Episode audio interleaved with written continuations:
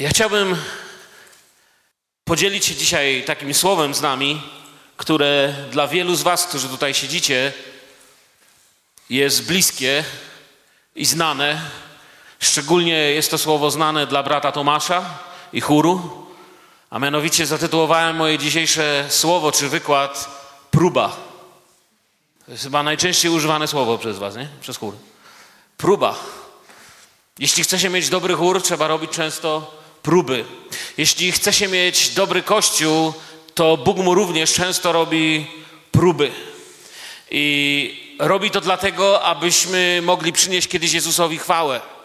I tak samo jak czasem pamiętam, jak byliśmy z naszym chórem na trasie w Krośnie, w Chełmie, prawda, i tam pod Chełmem w okolicach Białopolu jechaliśmy tą trasą. Pamiętam, w wielu w tych miejscach podchodzili ludzie i mówili, ale śpiewają, ale grają, ale przepięknie, wiecie. I czasami to tak się ludziom wydaje, że po prostu ludzie sobie siedli i tak, i tak im to idzie. I czasami ja mówiłem, wiecie, a wiecie, ile oni próbują, ile oni wiernie przychodzą na te próby, ile troski, ile wysiłku. Można by było w domu siedzieć w tym czasie, nie wiem, można by było na ryby iść, telewizję oglądać, a ci ludzie robią to, żeby właśnie tak przynieść chwałę Bogu. Podobnie jest, kiedy pamiętam, sam kiedyś grałem w zespole w szkolnym, w szkole, ile człowiek się musiał napróbować. I również w naszym życiu są próby. Myślę, że w ogóle nie ma na tej sali kogoś, kto nie przechodził jakiejś próby. Być może, jeżeli jest na tej sali dzisiaj, czy tutaj w naszym zgromadzeniu dzisiaj ktoś, kto nawrócił się, nie wiem, może wczoraj, to, to słowo mu się inaczej kojarzy niż kimś, kto, komuś, kto dzisiaj tu siedzi i nawrócił się, przyjął Pana Jezusa i wyruszył, stał się Jego uczniem już parę lat temu. Ponieważ właśnie próby Bóg daje nam doświadczać różnego rodzaju próby, aby pokazać naszą wiarę, aby pokazać to naprawdę, gdzie jesteśmy. Bardzo często człowiek odkrywa, czy odnajduje siebie, że idzie przez próbę, i myślę, że wielu z Was mogłoby pokiwać głową tutaj, że szliście przez próby, że nigdy Wam się nie mieściło w głowie, że to Wam się przydarzy, prawda? I myśleliście, nie, to niemożliwe, to się nie dzieje u mnie.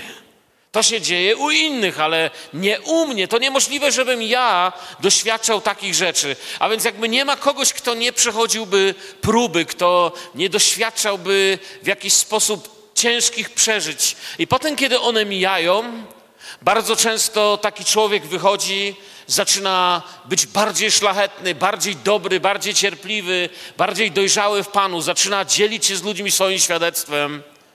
I ludzie często kiwają głową, mówią: No, to to jest wspaniały człowiek, ale właśnie przeszedł przez próbę. Zawsze człowiek się zastanawia w czasie próby, czemu to on musi tak często czegoś doświadczać.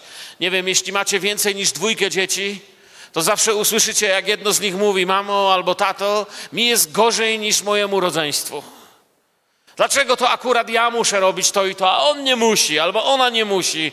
I wydaje mi się niesprawiedliwe, że oni doświadczani są w jakiś sposób, że są wychowywani, przeprowadzani przez co, chociaż siostra czy brat młodszy czy starszy też musiał to przejść, albo będzie musiał przejść, ale zawsze nam się wydaje, że to jest takie wyjątkowe, że idziemy w jakiś sposób pod prąd. I chciałbym dzisiaj właśnie o kilku takich próbach powiedzieć. O próbach w życiu chrześcijańskich, próbach, które albo sam doświadczyłem, albo z kimś rozmawiałem i ich doświadczył. I chciałbym, dlaczego to w ogóle chciałem dzisiaj do Was powiedzieć? Dlatego, że wierzę, że w miarę jak wielu z nas decyduje się i mówi: Chcę iść za Jezusem, chcę być naśladowcą Jezusa, będziemy również próbowani.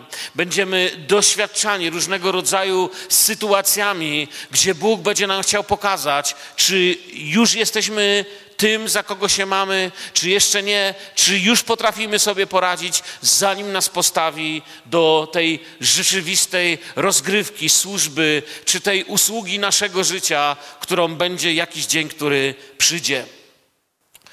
Wiecie, czym są próby?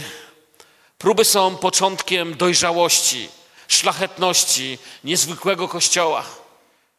Próby są początkiem tego, że zaczynamy widzieć w naszych zborownikach, w braciach, w siostrach ludzi, którzy potrafią zrozumieć. Człowiek, który niczego nie przeżył, nic nie rozumie, ma tylko jeden malutki swój punkt widzenia, wszyscy wydaje mu się, że, że się mylą, ale człowiek, który przeszedł już coś w życiu, kiedy się do takiego podejdzie i z nim rozmawia, ja to zauważyłem, kiedy mi było czasem ciężko i pojechałem do jakiegoś brata, pastora, potrzebowałem się pomodlić. Wiecie, byli tacy bracia, że starczyło powiedzieć trzy słowa. On właściwie mógłby za mnie dokończyć zdanie. Nie dlatego, że z powodu jakiejś pychy, ale dlatego, że sam już w tym był. Rozumieliśmy się. A zdarzyło mi się, że pojechałem do jednego brata, mówią, w ogóle nie rozumiał. I potem okazało się, że on nigdy właściwie nie przeżył tego. Nie, nie miał okazji być w służbie i nie rozumiał w ogóle o co mi chodzi i, i zastanawiał się, czy ja przypadkiem nie przestałem wierzyć w Pana Boga. Od prób zaczyna się nasza przemiana w Kościół, pełny wiary, wytrwałości, mądrości. Jakub pisze w swoim liście takie słowa, które znacie. Jak nie znacie, otwórzcie pierwszy rozdział listu Jakuba, pierwszy rozdział, drugi, piąty werset. Może przeczytam dla zachowania kontekstu, ale tak naprawdę chodzi mi o ten szczególnie drugi werset. List Jakuba, pierwszy rozdział, drugi werset. Poczytujcie to sobie za najwyższą radość, bracia moi, gdy rozmaite próby przechodzicie.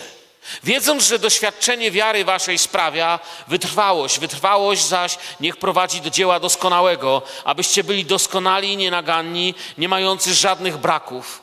A jeśli komu z was brak mądrości, niech prosi Boga, który wszystkich obdarza chętnie i bez wypominania, a będzie mu dana.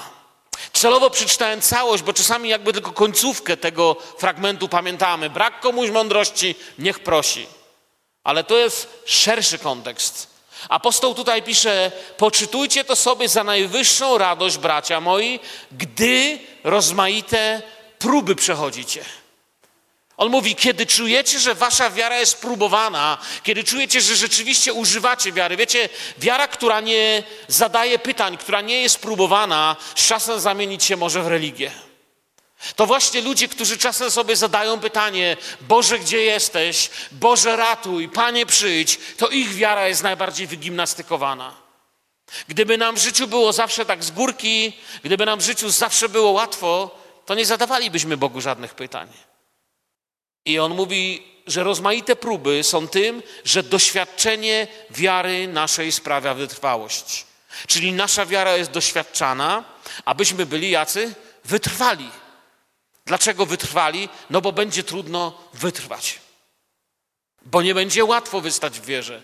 I dziś żyjemy w czasach, kiedy nie jest łatwo wytrwać w wierze. Kiedy wielu ludzi porzuca wiarę, wybiera swoje drogi, drogi na skróty, kiedy miłość wcale nie jest już taką oczywistą rzeczą, kiedy ludzie mówią miłość miłością, ale ja muszę sprawiedliwość mieć po mojemu. Kiedy ludzie mówią miłość miłością, ale nikt mi nie będzie mówił, co mam robić. Żyjemy w czasach, kiedy nie ma żadnych autorytetów. Kiedy nikt z nikim się nie liczy i ludzie zaczęli żyć dla siebie, a Pan mówi: Ja chcę doświadczać Waszą wiarę, abyście byli wytrwali, abyście wytrwali na dzień, który nadchodzi dla mnie, dla mojego królestwa. I są różne próby, o kilku z nich chciałbym Wam powiedzieć w dzisiejszym nauczaniu. Myślę, że powinienem zacząć od próby wiary, ale zacznę od innej próby. Próba, którą wielu z nas jest bardzo trudno przejść. Próba, przed którą, jeżeli w ostatnim czasie wiele mieliśmy tutaj wyzwań do modlitwy i albo może podnosiłeś rękę, a może wychodziłeś tu do przodu, a może tam z tyłu stałeś i modliłeś się, ale powiedziałeś: Panie, chcę iść za Tobą, Panie, chcę Tobie służyć. Może było to podczas właśnie jednego z tych wezwań, kiedy mówiłem, że w naszym zborze, tu w Grudku, potrzebujemy nowych służb.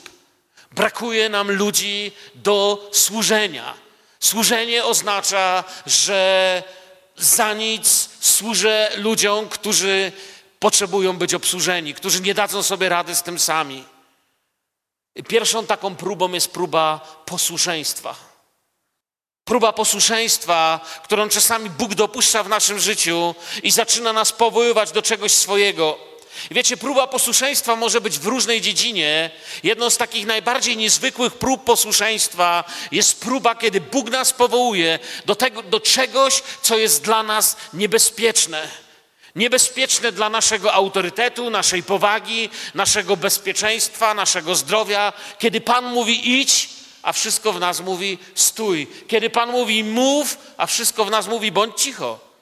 Kiedy Pan mówi bądź moim świadkiem, a cała logika nam mówi lepiej się nie pokazuj. Wiecie, taką niezwykłą próbą posłania do niebezpiecznego zadania jest Księga Jozuego. Kiedy wiemy, że zwiadowcy wrócili i powiedzieli, tam ci ludzie są olbrzymi, są silni, są uzbrojeni, mają wielkie mury, mają wielkie miasta i nie damy im rady.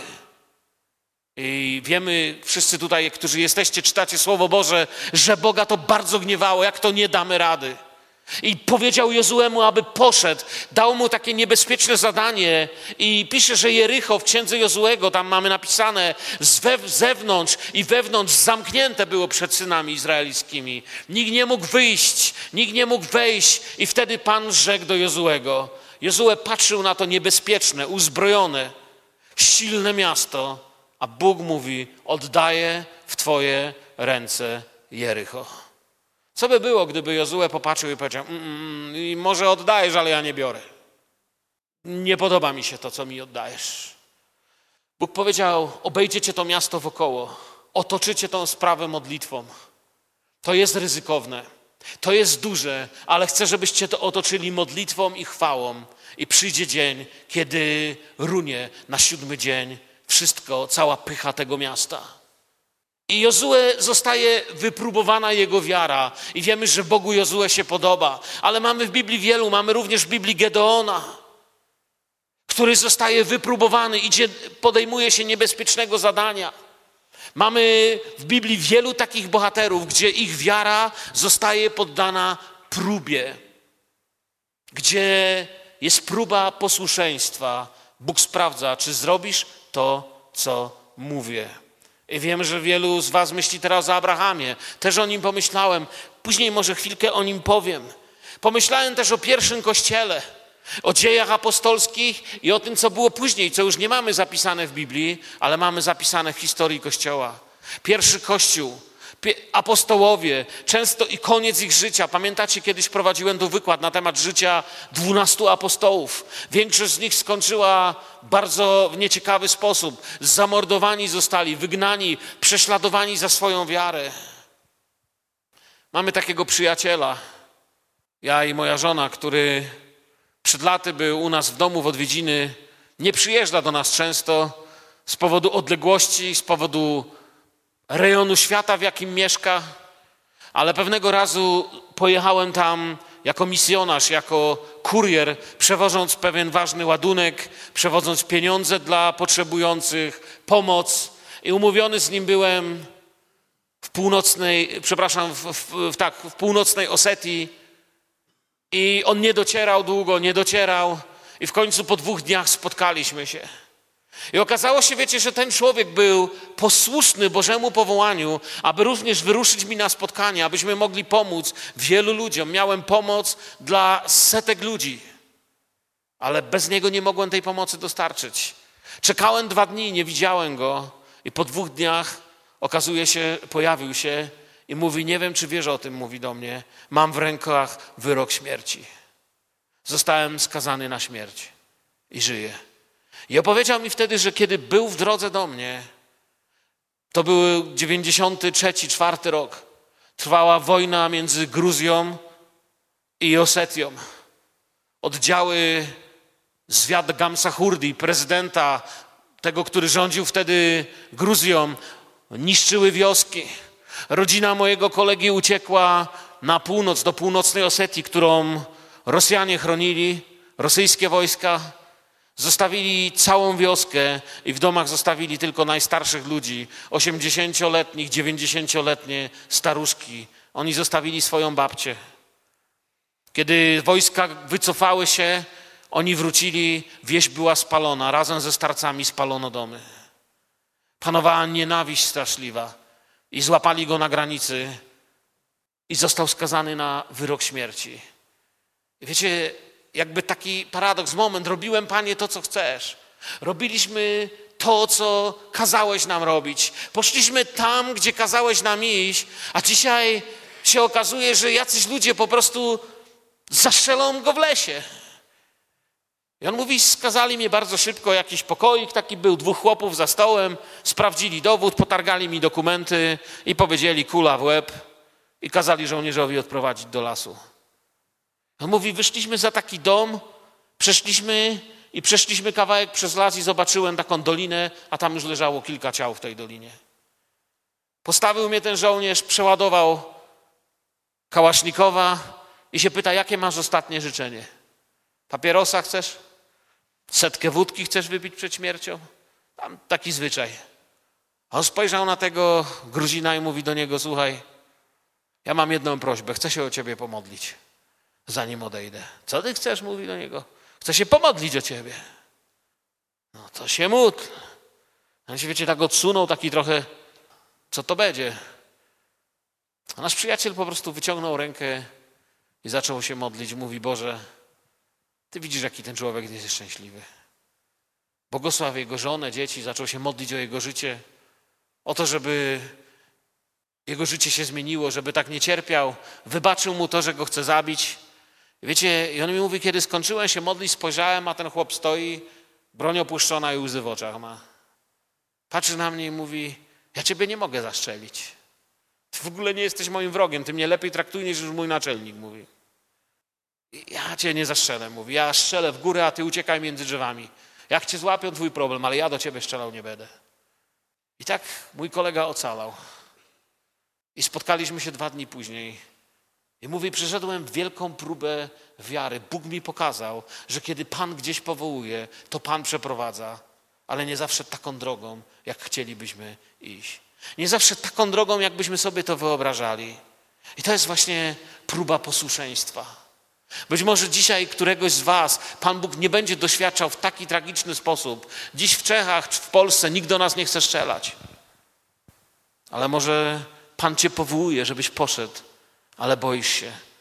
Może Bóg mówi do Ciebie: Słuchaj, zajmij się, nie wiem, szkółką, dziećmi, albo jakąś inną służbą, którą Tobie Pan mówi, która teraz mi nie przychodzi nawet na myśl, ale boisz się, mówisz, kiedy to zrobię, nie wiem, co inni powiedzą. Nie wiem, czy, czy się nie ośmieszę. Może już obiecałeś, że w życiu tego nie będziesz robił, a teraz wyszłoby, że Pan Bóg chce, żebyś to zrobił. Próba posłuszeństwa. Bóg się pyta, czy ja jestem Twoim Panem? Bo jeżeli przyjmujemy Jezusa jako Pana, to dlatego najpierw powiedziałem o próbie posłuszeństwa. To Jezus będzie w naszym życiu panował. Wiecie, czasami nie wiem, jak to zabrzmi dla Was, ale czasami ludzie chcą, żeby Pan Jezus to był Pan Jezus, a nie Jezus Pan. Czasami chcą, żeby Pan Jezus to był taki, wiecie, no taki Pan jest Pan Kowalski, Pan Nowak i przy okazji Pan Jezus też jest. Ale Jezus nie chce być Pan w sensie kultury. Jezus chce być Panem, który panuje. Panowanie oznacza zarządzanie. Oznacza, że Pan ma sługę. Jeżeli nazywam Jezusa Panem, to nazywam siebie sługą. I Pan mówi: Chcę, żebyś szedł, żebyś coś robił. Drugi sposób, w jaki Bóg może doświadczać nas, czy w jaki sposób może tą próbę posłuszeństwa w nas przeprowadzać, to jest, kiedy Bóg daje nam wolność, kiedy dostajesz możliwość wyboru. Oglądamy to, kiedy widzimy Adama i Ewę, że Pan Bóg wziął człowieka, osadził go w ogrodzie Eden i powiedział: Wszystko możesz, tylko o tego tutaj nie możesz, ale wszystko inne możesz. Możesz spożywać wszystkich drzew. Wiecie, co zobaczyłem, jeśli chodzi o Boga i jego dzieci? Że w Królestwie Bożym nie ma zamków, kodów, krat. Jest ufność. Bóg mówi: Chcę, żebyś robił to, a tego nie robił. I zawsze, kiedy chodzisz z Bogiem, możesz Go nie posłuchać i pójść zrobić co innego. Ponieważ widzicie, różnica między Duchem Świętym a demonami jest taka, że człowiek opętany demonicznie, on jest opętany. On nie jest, sam nie rządzi. Nim rządzą demony. Ale Duch Święty tak nie działa. Duch Święty, Słowo Boże mówi, Bóg współdziała ze wszystkimi, którzy Boga miłują. Bóg daje pełną wolność. Bóg ci nie założy kodu na telewizor, żeby ktoś nie oglądał jakichś brudów, pornografii. Bóg ci nie założy czterocyfrowego pinu, który tylko on zna, żeby ktoś z nas za dużo nie pił albo za dużo nie robił złych rzeczy. Bóg nam nie założy jakiejś blokady na język, żebyśmy nie mówili złych rzeczy. Bóg nam daje miłość, a miłość daje wolność. Pamiętam, kiedyś byłem w domu jednego mojego kolegi i pieniądze były w sejfie, bo mówi, że ma dzieci, nastolatki, nigdy nie wiadomo, czy coś im nie odbije, czy nie ukradną. Na telewizorze kody. I pamiętam, jak mówiłem do mojej żony, wiesz co, ja bym nigdy nie chciał, żeby w naszym domu na telewizji trzeba było dawać kody, na telefonach kody, wszędzie, gdzie nie pójdziesz, to jakieś zakodowane numery PIN. Co to za rodzina, słuchajcie, jest wtedy? Miłość daje wolność, ale wolność powoduje, że możemy ranić Boga. Pomimo to Bóg daje nam próbę wolności. Bóg uwalnia wiele razy ludzi z ich grzechów i mówi: Masz, jesteś wolny, zrywam Twoje kajdany, możesz iść. Tak jak Adam i Ewa dostali pełną wolność, tak samo my wielokrotnie dostajemy pełną wolność. I Bóg mówi: Możesz z tą wolnością zrobić co chcesz, możesz ją nawet stracić, a wtedy będziesz płakał. Bóg stawia człowieka w pewnej wolności. U niego nie ma krat, wiecie.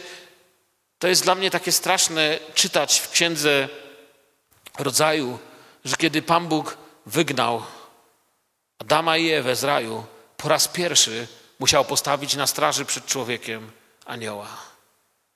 Że kiedy nie ma miłości, kiedy nie ma przyjaźni, trzeba wartownika.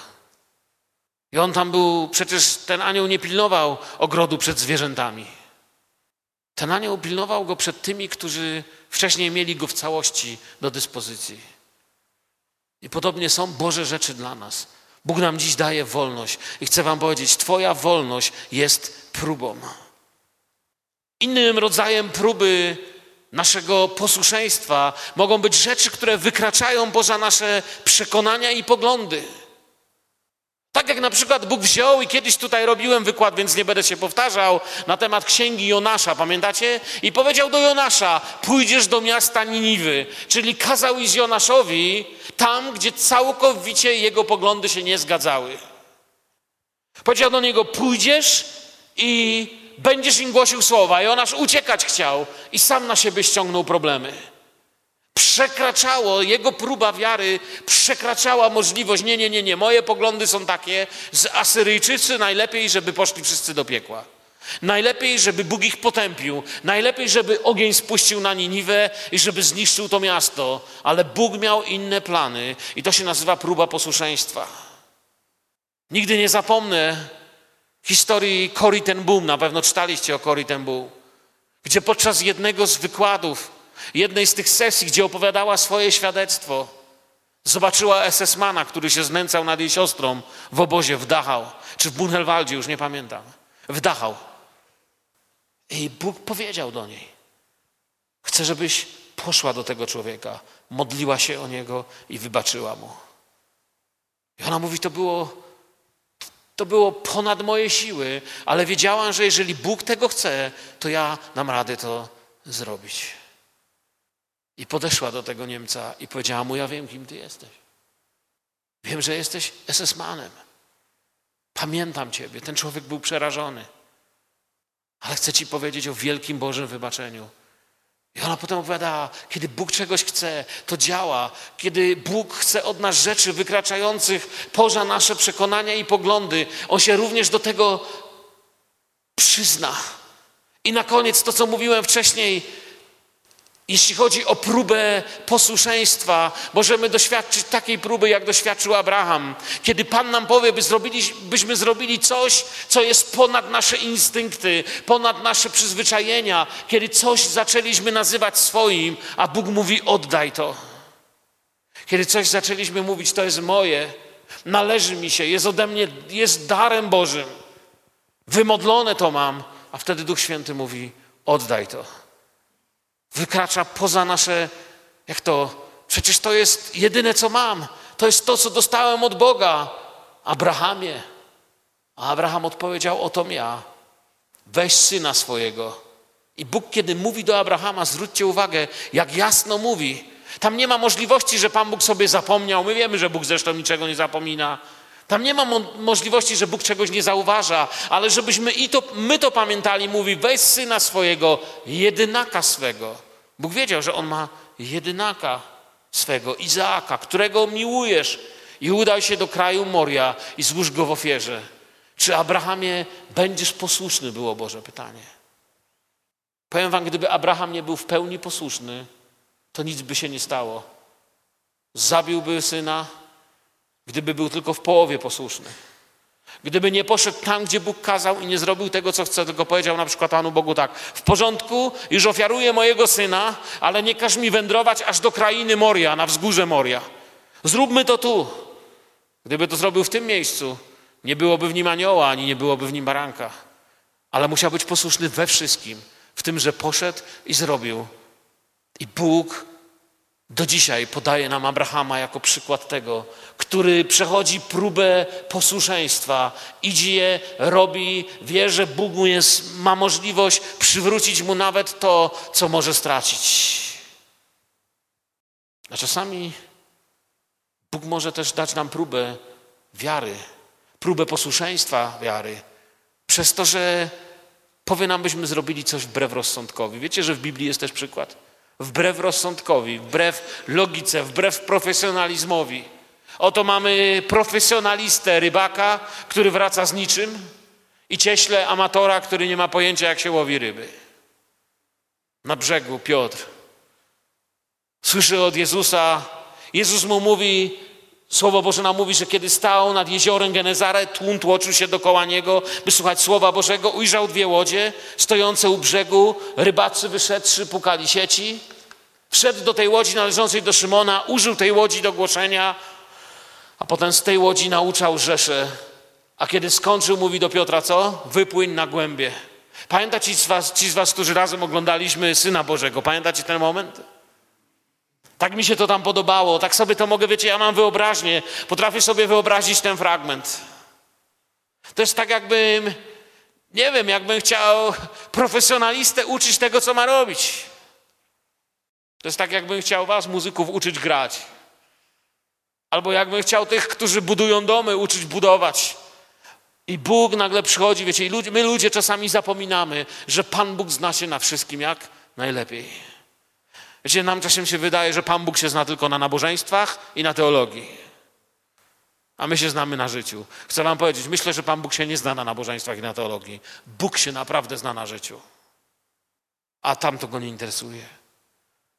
Szymon powiedział do niego: Mistrzu, całą noc ciężko pracując nic nie złowiliśmy, ale na Twoje słowo.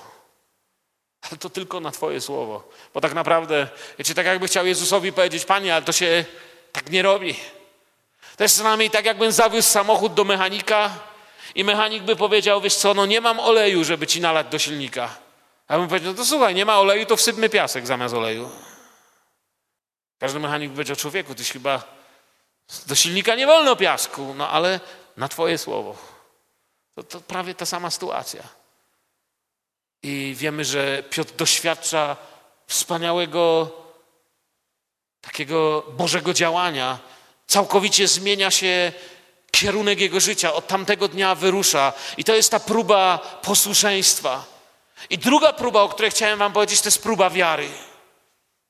O uczniach myślę sobie w ten sposób. Największą próbę wiary doświadczali wtedy, kiedy na morzu była burza i były pioruny. I wiecie, co mi przyszło do głowy? Kiedy wpatrywałem się w ten tekst, pomyślałem sobie, najciemniejsza sytuacja w ich życiu Jedyne, co daje światło, to błyskawice, które huczą. I widać światło tylko tyle przez światło, że źle jest z nimi i nic więcej. I to się nazywa próba wiary. Że jest albo ciemno, a kiedy już coś widać, to widać, że jest źle. I uczniów doświadczały burze, a błyskawice były ich oświetleniem. Widać było dość, żeby wiedzieć, że jest źle, ale Bóg chce nam pokazać, że Jego słowo nie jest słowem na spokojne wieczory. Być może dzisiaj ktoś z Was tutaj siedzi, myśli sobie, wiesz, właściwie no to tak sobie, no, no takie, ja wiem, wiary, próby, no takie życie jak życie. Coś Ci powiem, za rok o tej porze, za pół roku o tej porze możesz iść przez największą próbę Twojego życia i nawet tego o tym teraz nie wiesz. I niczego nie będziesz tak bardzo pragnął jak tego, żeby zrozumieć, dokąd i jak Bóg Cię prowadzi. Chcę Ci powiedzieć, każdy z nas jest próbowany, a Jakub pisze, byśmy się z tego cieszyli. Uczniowie byli doświadczani, jeśli jesteś uczniem Jezusa, będziesz doświadczany. Próba wiary powoduje, że mniej jest w niej naszych możliwości. Mówiłem już o Gedeonie. Kiedy przychodzi Pan do Gedeona z próbą wiary, Gedeon stoi przed potężnym wrogiem z miarę dużym wojskiem. A Bóg mówi do niego: Chcę, żebyś to zmniejszył. I jeszcze zmniejszył, i jeszcze zmniejszył. Gedeon, jakby się znał na wojnie, to by powiedział: Ale Boże, już mi nic prawie nie zostało. Z czym ja mam iść? Czy czasami małe rzeczy w Bożych rękach robią więcej niż duże rzeczy w ludzkich rękach? Ja pamiętam, jak mój mentor, mój przyjaciel, pastor Georg z Estonii, powiedział mi kiedyś takie słowa. Jeśli pozwolisz Bogu prowadzić cię w mądrości, to 100 dolarów w twoich rękach użyje jak 100 tysięcy dolarów. Ale jak będziesz głupi, to choćbyś miał 100 tysięcy dolarów, zmarnujesz pieniądze i niczego nie zrobisz. Ponieważ Bóg nie patrzy na ilość. Bóg jest mądrym Bogiem. Zaufaj Bogu, uwierz Bogu w tym, co masz. Uwierz Bogu w tym, co ci dał i mówi, że z tym, co ci dał, możesz działać. Czasami wydaje się, że to jest za mało. Nie wiem, czy czytaliście książkę Bruce'a Olsona, któremu Pan Bóg kazał wyruszyć do dżungli amazońskiej, głosić ludożercom. Nikt nie mógł ich znaleźć, nikt nie wiedział, jak do tych ludzi dotrzeć. Wiedzieli tylko, że każdy, kto wszedł do dżungli w tamte rejony, na granicy Wenezueli, ginął i nigdy już nie znajdowano człowieka, albo tylko jego kości. Olson był młodym człowiekiem, niedoświadczonym. Wiecie, tą książkę trzy razy przeczytałem, bo Bruszko, Bruce'a Olsona. Jakby ją dzisiaj można było gdzieś kupić, to bym ją kupił i każdemu z was bym chciał dać, żebyście mogli przeczytać. Wszystko, co wziął ze sobą, to wziął takie szmaciane tenisówki, stare dżinsy, podkoszulek i poszedł do lasu, do dżungli. A że poszedł bez szczepionek, bez właściwych rzeczy, bardzo szybko zachorował. Dostał potężnej gorączki. Olson opisywał, że w nocy budził się w gorączce, stracił przytomność i leżał gdzieś w dżungli. Padał deszcz. Cudem jakimś nie znalazło go żadne zwierzę, żeby go zjeść. Potem już był tak chory, że go nawet zjeść nie chciało. Któregoś dnia w nocy obudził się i zobaczył, jak z jego ust, z gardła wypełza wielki pasożyt, który pije wodę. Jak tylko się obudził z powrotem, schował mu się do żołądka. Przeżywał straszne rzeczy i kiedy jego życie było już na granicy, kiedy zwątpił, że Bóg naprawdę kazał mu tam iść, kiedy jego wiara zamieniła się w chorobę, bo nigdy jej nie stracił. Poczytajcie tę książkę. Wtedy znaleźli go ludożercy, ale nie mogli go zjeść, bo był chory. To go zabrali do wioski i go wyleczyli. Kiedy go leczyli, zaczął im dzielić się Słowem Bożym. Czasami Bóg nas doprowadza w miejsce. Oczywiście ja wam w wielkim skrócie powiedziałem niesamowitą historię. Niesamowitą historię, kiedy Bóg próbuje naszą wiarę, kiedy nasza wiara wygląda właściwie jak przegrana, jak głupota, kiedy Bóg zabiera nasze możliwości, tak jak Gedeonowi, tak jak Bruce'owi Olsonowi zabrał możliwości, kiedy naszego ubywa, a wroga przybywa, kiedy zło wydaje się silniejsze, kiedy wydaje się, że tracimy. Byłem w takich miejscach i wiecie co? Bardzo sobie cenię wtedy pocieszenie, ale chcę dziś dla Was i dla siebie przypominać sobie, Pan jest wiernym Bogiem. Jeśli nas tu postawił, to choćby nawet wyglądało trochę źle różne rzeczy, Bóg nas tu użyje. Powiecie Amen. Bóg nas tu może użyć, Bóg nas może przeprowadzić. Bóg nas może przeprowadzić. Mniej naszych możliwości, więcej Jego. Wiecie, jeden z ludzi, który założył najwięcej zborów w Rosji carskiej, był więźniem. Trafił do więzienia za głoszenie Ewangelii. Kiedy głosił Ewangelię, nawracali się najwięksi bandyci. Więc dawali go do jeszcze większych bandytów i nawracali się jeszcze więksi bandyci. I w końcu nie wiedzieli, gdzie go dać. Więc zaczęli się nad nim znęcać, dali go na odosobnienie. I nigdy nie zapomnę historii, kiedy mu opowiadali, że zachorowała córka naczelnika więzienia. I ten człowiek miał od Boga objawienie, żeby powiedzieć strażnikowi, aby zabrali go do domu naczelnika. Zawołał strażnika i mówi, strażnik się go pyta, czego ty chcesz? A on mówi, córka naczelnika jest chora i Bóg mi powiedział, że mam tam iść się o nią modlić. Ty chyba zwariowałeś, ten się na niego zaczął, wiecie, krzyczeć, a on mówi do niego, lepiej żebyś szedł, bo jeśli nie pójdziesz, jutro umrze, a ja już się postaram, żeby się inni dowiedzieli, że przez ciebie. Tamten się wystraszył i powiedział naczelnikowi, mówi, sam sobie robisz kłopoty. Ten, wiecie, był zrozpaczony i zgodził się, żeby tamten poszedł się modlić o jego córkę. On się pomodlił o jego córkę i ona wyzdrowiała, ale on mówi, ja nie mam takiej władzy, żeby usunąć twój wyrok. Ale ze względu na to, jakim jesteś człowiekiem, posyłam cię na zsyłkę samego. Musisz się meldować w każdym mieście i na nogach pójdziesz na Syberię. Wiecie, ten człowiek, będąc więźniem, powołanym do głoszenia Słowa Bożego jako więzień, idąc na wschód na Syberię, w każdym mieście, gdzie się zatrzymał, zakładał zbory. Pod ochroną policji. Skazany za zakładanie zborów, zakładał zbory. Widzicie, czasami wiara działa w dziwny sposób. Bóg daje próbę wiary, zadanie, gdzie nas umniejsza, a zadanie się wydaje powiększać, zadanie powołania nie do wykonania bez Jezusa. Jezus raz zebrał swoich uczniów, głosił słowo, a potem Słowo Boże mówi, że Jezus podniosły oczy, ujrzał mnóstwo ludu i podszedł do Filipa i mówi do Filipa, skąd kupimy chleba? Bo nie mieli przecież co jeść. I mówił to Słowo Boże, mówi co? Szósty werset Jana 6,6 mówi, mówił to wystawiając go na próbę. Mówił to, aby Filip kiedyś mógł świadczyć innym, że kiedy jesteś sam, to nic się nie da, ale kiedy jesteś z Jezusem, wystarczą dwie ryby i pięć chlebów, żeby nakarmić ludzi. Kiedy jesteś z Jezusem, możesz przejść. Kiedy jesteś z Jezusem, możesz dać rady, bo bez Jezusa nie. Czasami sytuacja wygląda tak beznadziejnie. Nie wiem, czy czytaliście kiedyś książki Dona Richardsona. Richardson był takim człowiekiem, gdzie głosił Ewangelię tak, jak mu Bóg kazał, a problemy były jeszcze większe z powodu tej Ewangelii zamiast mniejsze. Bóg go powołał, żeby również głosił wśród ludożerców. I pojechał do tych plemion ludożerców. Nikt nigdy wcześniej tam nie był. To był początek lat 60. Sam początek lat 60., 60. lata, początek. Nikt nie dochodził do tamtych rejonów dżungli. Richardson znalazł to plemię Taki naród żyjący w dżungli zaczął im głosić Słowo Boże. Bóg mu powiedział, żeby to robił. Bóg go tam powołał. Bóg go tam posłał. Ale się okazało, że z tymi jest problem. Bo o ile do innych Indian docierali misjonarze i ktoś się nawracał, ktoś się nie nawracał, to się okazało, że Richardson dotarł do Indian, którzy wiecie, co najbardziej czcili? Jeśli ktoś z was czytał Dziecko Pokoju, to teraz wie, co chcę powiedzieć. Czcili zdradę. Dla nich największym bohaterem był ten, kto zdradził.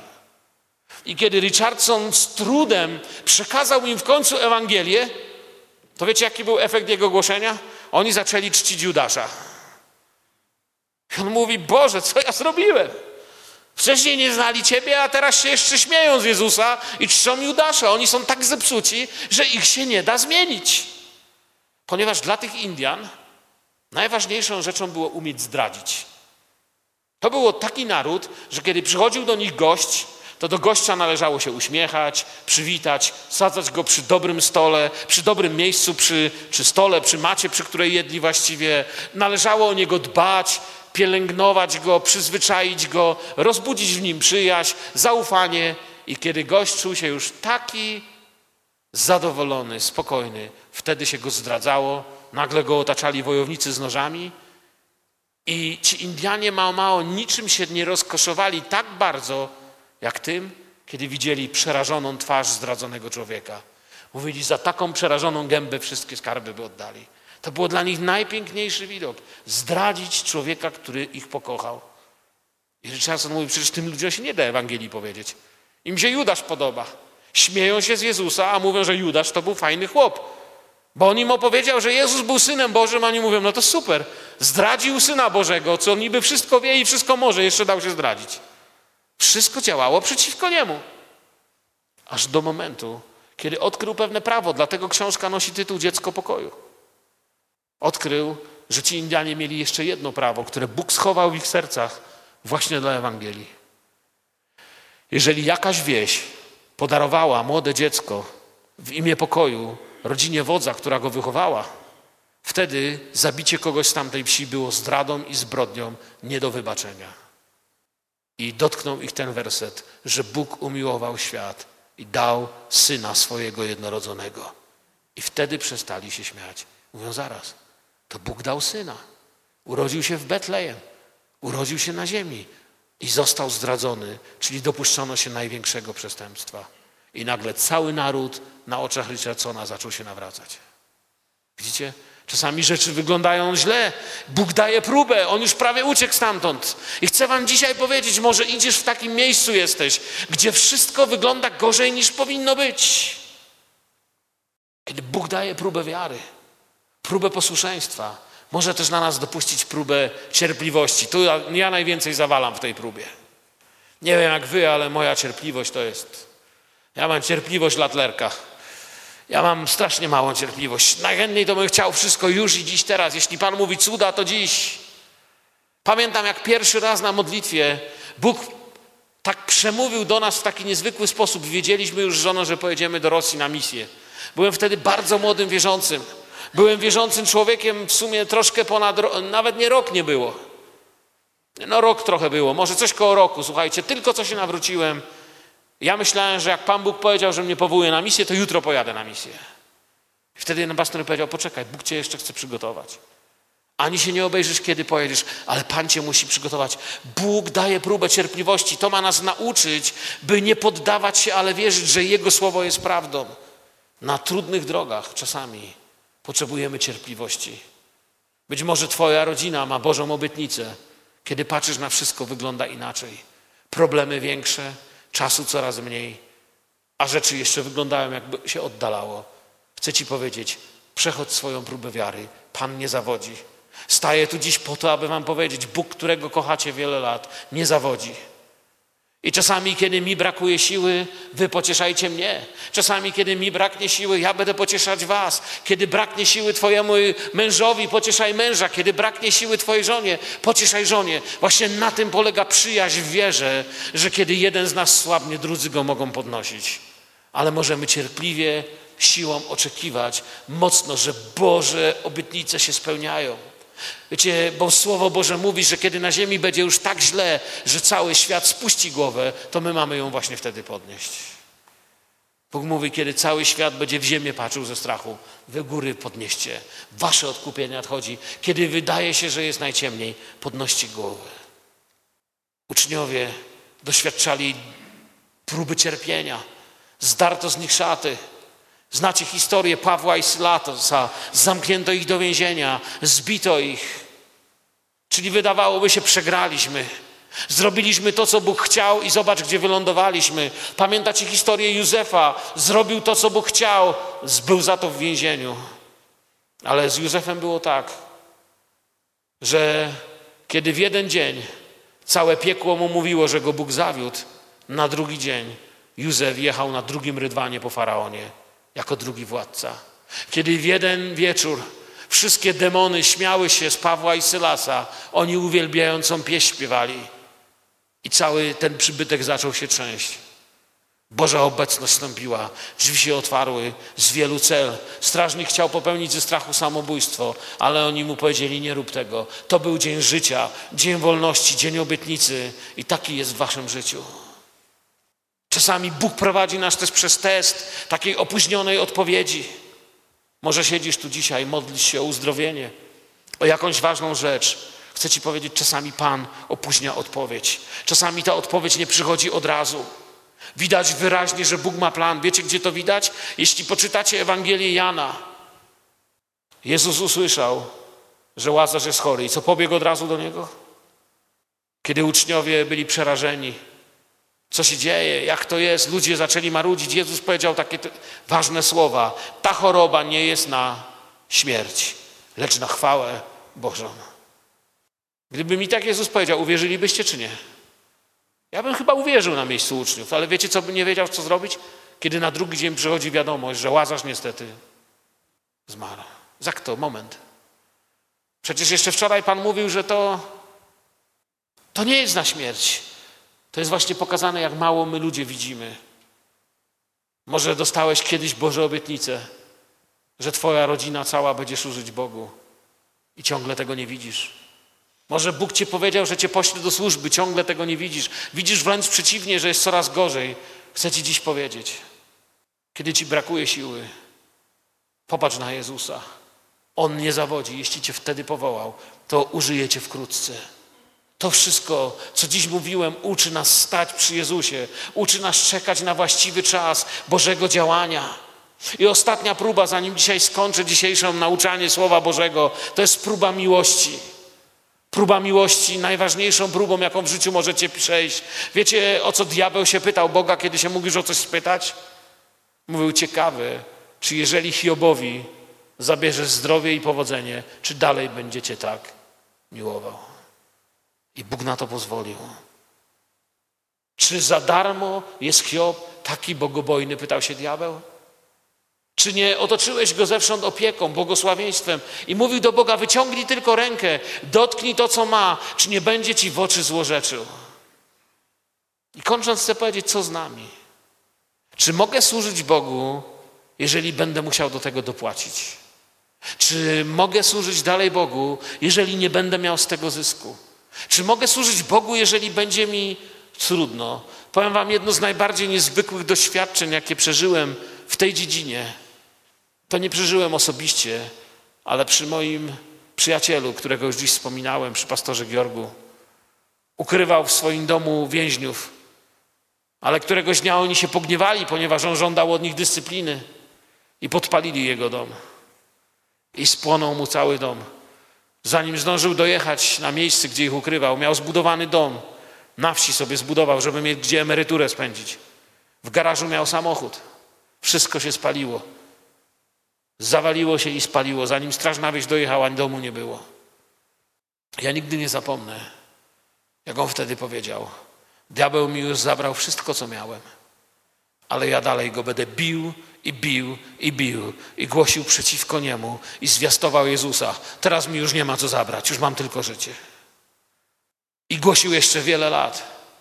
Zanim tragicznie zginął w wypadku, zdobył wielu ludzi dla Jezusa ale nigdy nie zrezygnował z służenia Bogu.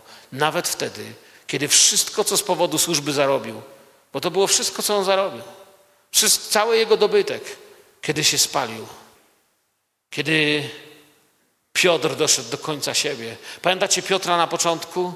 Panie, choćby cię wszyscy zostawili, ja cię nie zostawię. Na początku to było to jego ja, ja cię nie zostawię.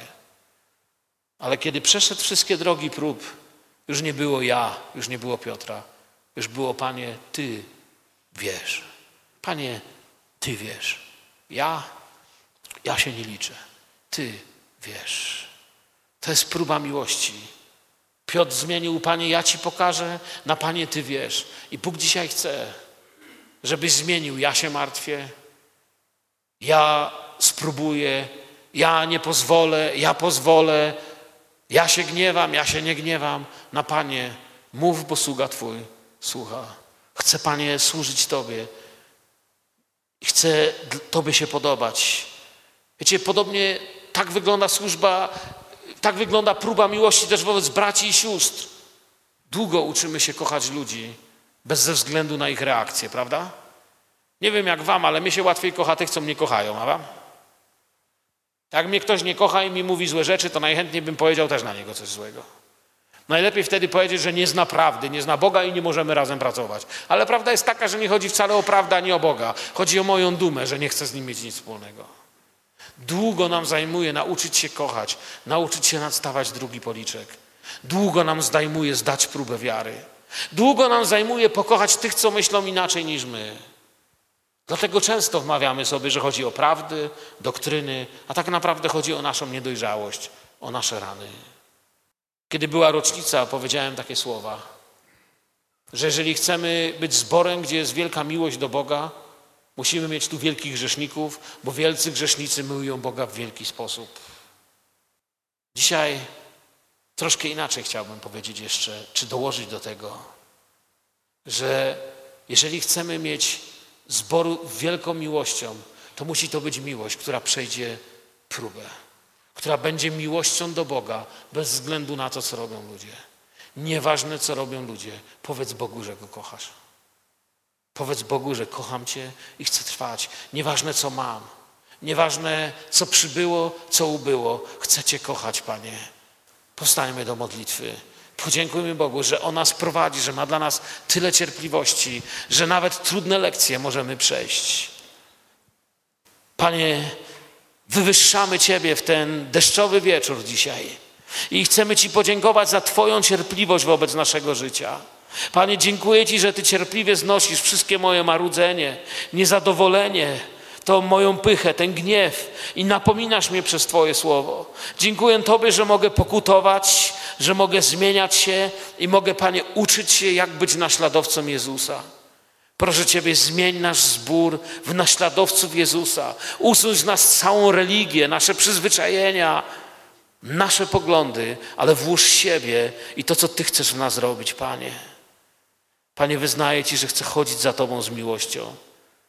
Panie, naucz mnie kochać Ciebie i ludzi bez względu na to, co się dzieje. Naucz mnie, Panie, miłować, tak jak Ty miłowałeś. Panie, wywyższam Twoje imię dzisiaj. Błogosław Twoje słowo w naszych sercach, aby przyniosło owoc, abyśmy mieli wobec siebie łagodność, cierpliwość, posilenie, wsparcie, Panie. Prowadź nas przez te próby w otoczeniu Twoich aniołów, w otoczeniu Twojego słowa, Twojego kościoła. Wywyższam Twoje imię, Panie, dzisiaj. Błogosław tych, którzy przyszli dziś na to miejsce, aby byli posileni i pokrzepieni Twoim słowem. W imieniu Jezusa. Amen.